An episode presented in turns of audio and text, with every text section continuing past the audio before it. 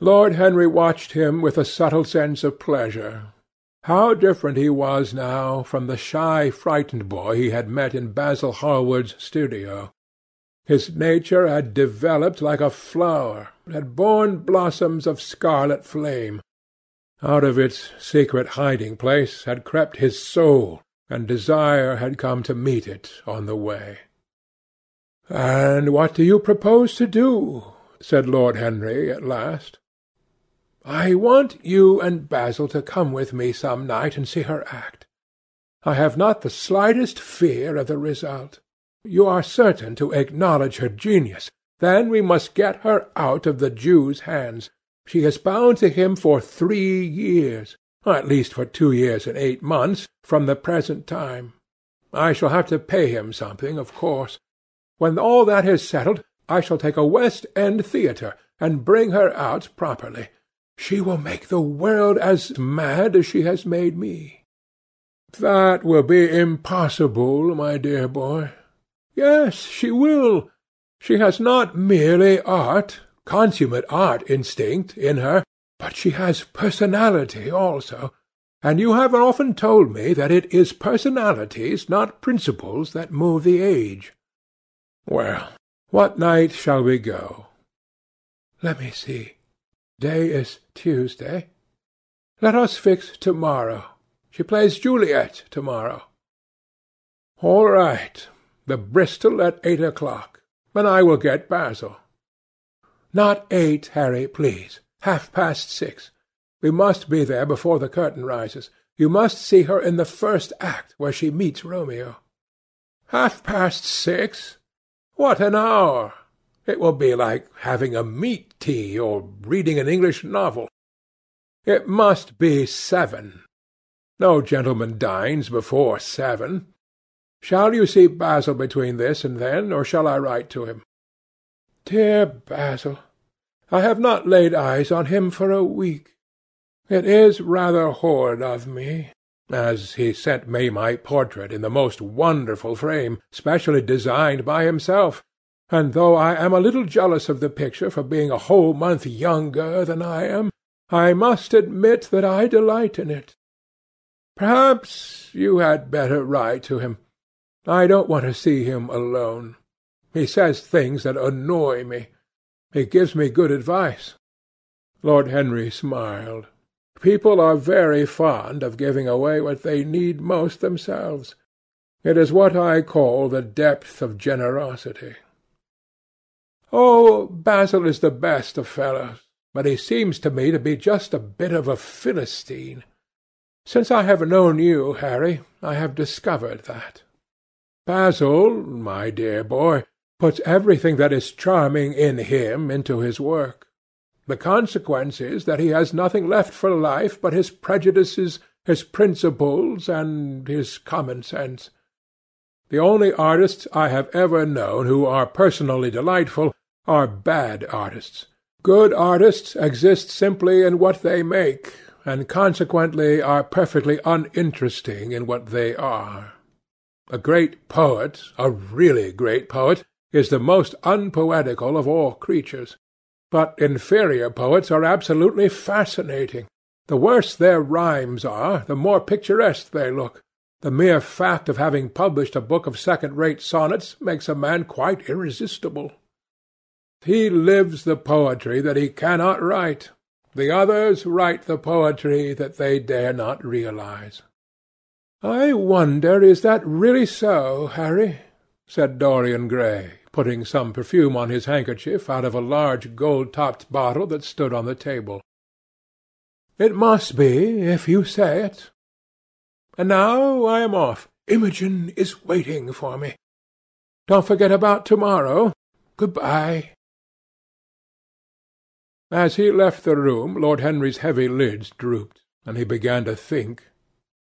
Certainly, few people had ever interested him so much as Dorian Gray, and yet the lad's mad adoration of some one else caused him not the slightest pang of annoyance or jealousy. He was pleased by it. It made him a more interesting study. He had been always enthralled by the methods of natural science, but the ordinary subject matter of that science had seemed to him trivial and of no import. And so he had begun by vivisecting himself, as he had ended by vivisecting others. Human life, that appeared to him the one thing worth investigating. Compared to it, there was nothing else of any value. It was true that as one watched life in its curious crucible of pain and pleasure, one could not wear over one's face a mask of glass, nor keep the sulphurous fumes from troubling the brain and making the imagination turbid with monstrous fancies and misshapen dreams. There are poisons so subtle that to know their properties one had to sicken of them. There are maladies so strange that one had to pass through them if one sought to understand their nature. And yet what a great reward one received! How wonderful the whole world became to one!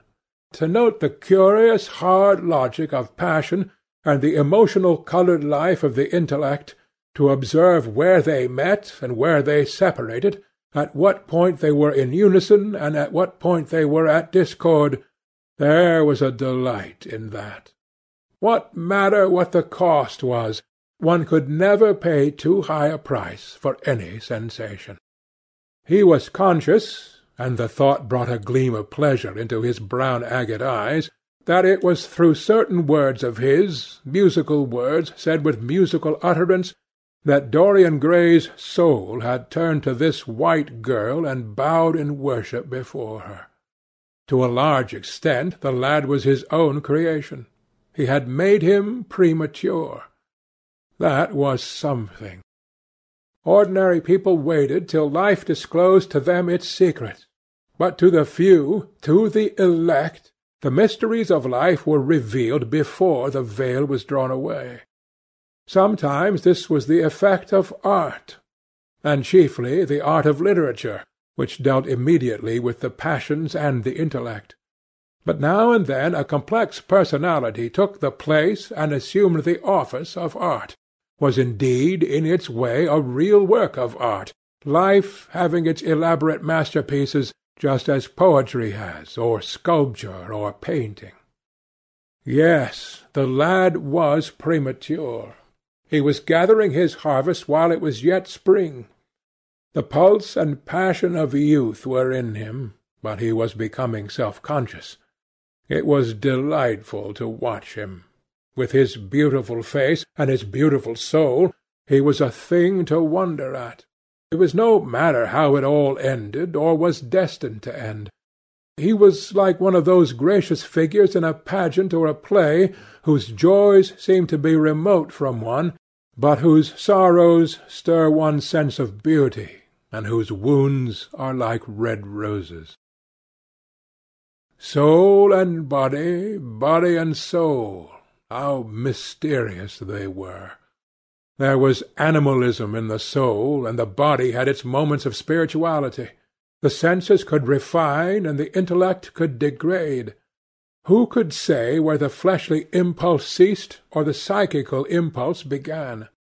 How shallow were the arbitrary definitions of ordinary psychologists, and yet how difficult to decide between the claims of the various schools! Was the soul a shadow seated in the house of sin, or was the body really in the soul, as Giordano Bruno thought? The separation of spirit from matter was a mystery, and the union of spirit with matter was a mystery also. He began to wonder whether he could ever make psychology so absolute a science that each little spring of life would be revealed to us. As it was, we always misunderstood ourselves and rarely understood others. Experience was of no ethical value. It was merely the name men gave to their mistakes.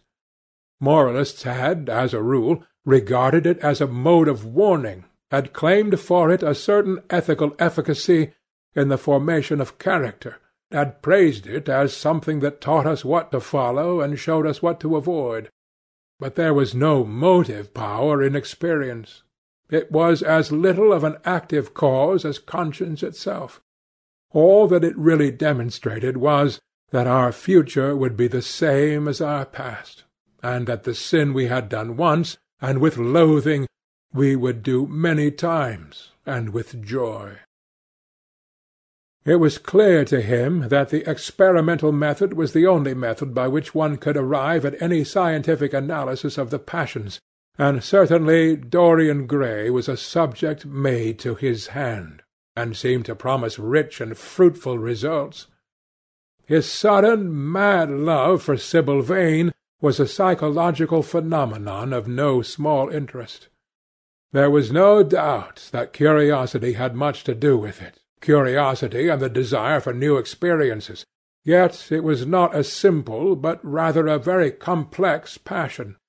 What there was in it of the purely sensuous instinct of boyhood had been transformed by the workings of the imagination, changed into something that seemed to the lad himself to be remote from sense, and was for that very reason all the more dangerous. It was the passions about whose origin we deceived ourselves that tyrannized most strongly over us. Our weakest motives were those of whose nature we were conscious. It often happened that when we thought we were experimenting on others, we were really experimenting on ourselves. While Lord Henry sat dreaming on these things, a knock came to the door, and his valet entered and reminded him it was time to dress for dinner. He got up and looked out into the street. The sunset had smitten into scarlet gold the upper windows of the houses opposite. The panes glowed like plates of heated metal. The sky above was like a faded rose. He thought of his friend's young fiery-coloured life, and wondered how it was all going to end. When he arrived home, about half-past twelve o'clock, he saw a telegram lying on the hall table. He opened it, and found it was from Dorian Gray. It was to tell him that he was engaged to be married to Sibyl Vane.